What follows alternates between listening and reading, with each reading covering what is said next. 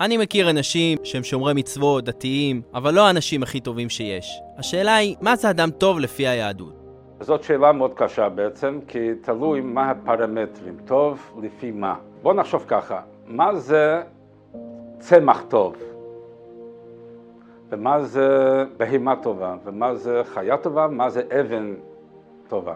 תלוי בתכונות של כל אחד. מה שזו מעלה בצמח זה חיסרון בבהמה. צמח צריך להיות במקום אחד וגדל ולא זז ממקומו. ובעולם החי זה הפוך, אם זה נשאר במקום אחד ולא זז, אז זו בעיה.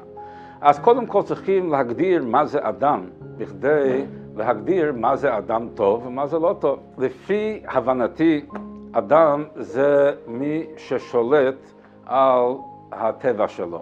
זאת אומרת, ההבדל בין אדם לבהמה וחיה זה שבהמה וחיה אי אפשר לבחור, לשנות או להשתלט על הטבע.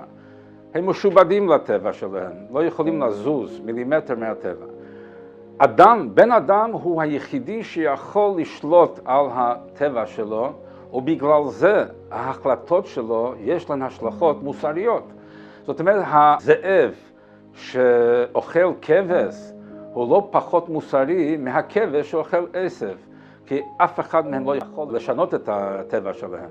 אבל בן אדם כן, אם בן אדם יש לו את הטבע לרצוח מישהו והוא רוצח, יש לזה משמעות מוסרית, הוא היה יכול לשלוט על הרצון והנטייה שלו. אז אדם בעצם זה מי ששולט על הטבע שלו ומנצל את הטבע שלו למטרות הכי עליונות. אז בגלל זה אנחנו רואים למשל, כשאחיו של יוסף זרקו אותו לבור של נחשים ועקרבים, לא פגעו בו. למה? כי חיה בטבע פוחדת מאדם. אבל רק אם האדם הוא באמת אדם, זאת אומרת, מי ששולט על הטבע שלו, ולא שהוא מתנהג כבהמה, שהטבע זה מה שמכתיב לו את החיים. אז מה זה אדם טוב? אדם טוב זה מי שעושה מה שצריך, ולא רק מה שבא לו, ולא רק מה שנעים לו, אלא כל החלטה בחיים שלו זה על יסוד אם זה הדבר הכי יעיל והכי קדוש והכי טוב שהוא יכול לעשות.